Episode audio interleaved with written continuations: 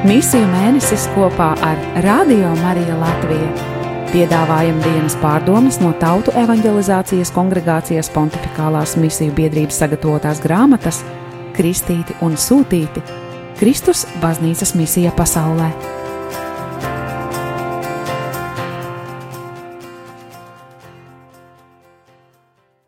2019. gada 4. oktobris. Piektdiena parastā liturģiskā laika 26. nedēļā - Svētā Franciska no Asīzes piemiņas diena. Lai dziļāk izprastu to misiju, uz kuru ir aicināti visi kristieši, ir liederīgi sākt ar Jēzus vārdiem no Lūkas evaņģēlija desmitās nodaļas, no 13. līdz 16. pantam. Baruha grāmatas pirmajā nodaļā no 15. līdz 22. pantam iekļautajai lūkšanai, tādējādi izgaismojot Dieva Izrēla vēsturi, kuru veido tie, kas pieder vēsturiskajam Izrēlam, kā arī tie, kas pievienojas Dieva Izrēlam caur ticību Kristum un kristību. Diskursam, ar kuru Jēzus sūta savus mācekļus misijā, seko stingrs brīdinājums Horazīnas un Kapernaumas ciemiemiem Galilejā, Šie palestīniešu ciemati bija redzējuši brīnumus, ar kuriem Jēzus bija pavadījis dieva valstības sludināšanu. Skatīt Mateja evaņģēlija 11. nodaļas 21. pantu. Kapernaumā Jēzus bija spēris pirmos soļus sludinot savu vēsti, skatīt Lūkas 4, 23, un parādījis dieva valstības spēku, Lūkas 4 no 31. līdz 41. pantam un tieši tur viņš piedzīvoja Romas armijas centuriona ticību. Lūkas 7. nodaļa no 1. līdz 10. pantam. Filips, viens no 12, nāca no Betsaīdas. Jēzus izteiktais stingrais brīdinājums palestīniešu ciematiem, kur viņš bija darījis brīnumus un kur viņš sastapās ar pārsteidzošu ticības trūkumu, nebija galīgs neatgriezenisks nosodījums. Savas runas beigās sūtot mācekļus misijā, Jēzus vēlreiz apstiprina evanģelizācijas misijas svarīgumu. Evanģelizēt un tikt evanģelizētam ir pienākumi, no kuriem nevar izbēgt dievišķās tiesas priekšā, kas nav domāts kā āsas nosodījums bez apelācijas iespējām, bet gan norāda uz galveno atskaites punktu laiku beigās. Lūkas 10 no 14. līdz 15. pantam. Līdz tam durvis uz grēku nožēlu un atgriešanos vienmēr ir atvērtas, ejot pa dievišķās apredzības un žēlsirdības noslēpumainajiem ceļiem. Jēzus identificējas ar tiem, kurus viņš sūta, un brīdina, ka viņu atraidīšana nozīmē paša dieva atraidīšanu. Neatkarīgi no iemesla vai reliģiskās pārliecības, kas pie tā var novest. Bibliskā Izrēla trauma, kas sekoja pēc Babilonijas trimdas, ir konteksts, lai saprastu garo lūkšanu, kas piedāvāta Baruha grāmatā, uz kuras ir viņa vārds. Baruha lūkšana sākas ar novērojumu, ka viss, ko pravietis Jeremija bija pravietojis pirmās Babilonijas trimdas trimdiniekiem, skatīt Jeremijas grāmatas 29. nodaļu no 4. līdz 23. pantam, bija piepildījies un ka šis ir laiks, lai lūgtos, lai Babilonijas valdnieki dzīvotu ilgu mūžu, lai izrēlieši netiktu pakļauti turpmākai smagai atriebībai. Skatīt Baruha pirmo nodaļu no 11. līdz 12. pantam.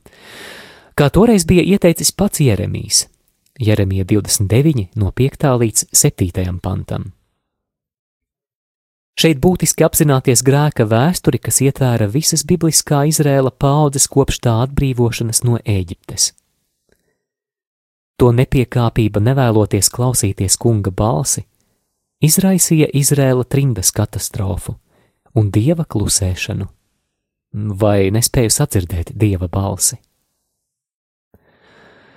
Pārdomu centrā nav Izrēla stāvoklis un vēsture, bet gan kungs – un tā ir patiesa grēku nožēla, patiesais atgriešanās ceļojums.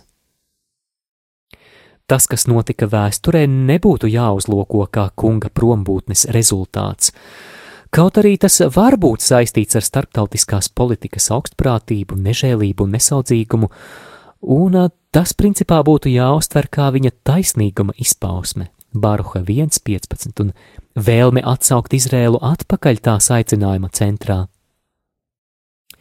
Šī dieva taisnīguma atklāšana ir paša kunga dāvana. Tāpēc to nedrīkst sajaukt ar vainas apziņu vai atkāpšanos, kad cilvēks atsvešinās, lai ko noskaidrotu savā dzīvē. Tas ir arī pretstats protestam un kunga galīgai pamešanai. Lūkšana sākas no tagadnes un sniedzas līdz bibliskā Izrēla pirmsākumiem skatīt Baruha pirmo nodaļu no 15. līdz 16. pantam. Trimdas katastrofa un trauma ietver visu tās vēsturi, kas izskaidrota pirmkārt ņemot vērā grēku pret kungu un pret kunga vārdu. Baruha pirmā nodaļa no 17. līdz 18. pantam. Kunga acīs grēkot nozīmē neveiksmi attiecību izveidošanā ar viņu. Tā ir struktūrāla traģēdija, kas notiek konkrēti, apzināti, bet arī bezrūpīgi katru dienu nepaklausot kungam un neņemot vērā viņa balsi, kas dzirdam arī viņa priekšrakstos. Bibliskais Izraels nevar izgudrot veidu, kā izlikties, ka viņam ir attiecības ar Dievu.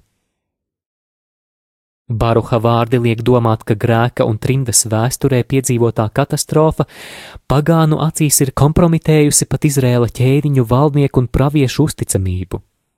Baruha 1.16. Šī grēka un soda vēsture nav pēdējais vārds.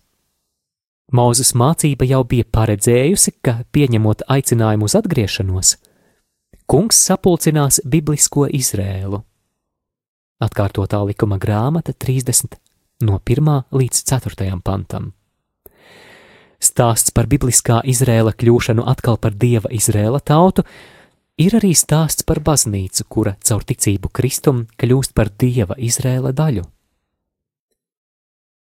Tāpat kā Jēzus skarbais aizrādījums Galilejas pilsētām nav galīgs pamestības spriedums, Līdzīgā kārtā bibliskā Izrēla trimda neiezīmē stāsta noslēgumu. Atgriešanās ceļojums, kuram vajadzētu nozīmēt personīgā un struktūrālā grēka atzīšanu, vienmēr ir kunga dāvana. Taču pastāv risks to izkliedēt pārsteidzīgā pašapliecinājumā vai pielietojot tikai formālus un fundamentālistiskus žestus, rituālus, formulas un frāzes, kuri nebūs pietiekami stipri evanģelizācijas misijai.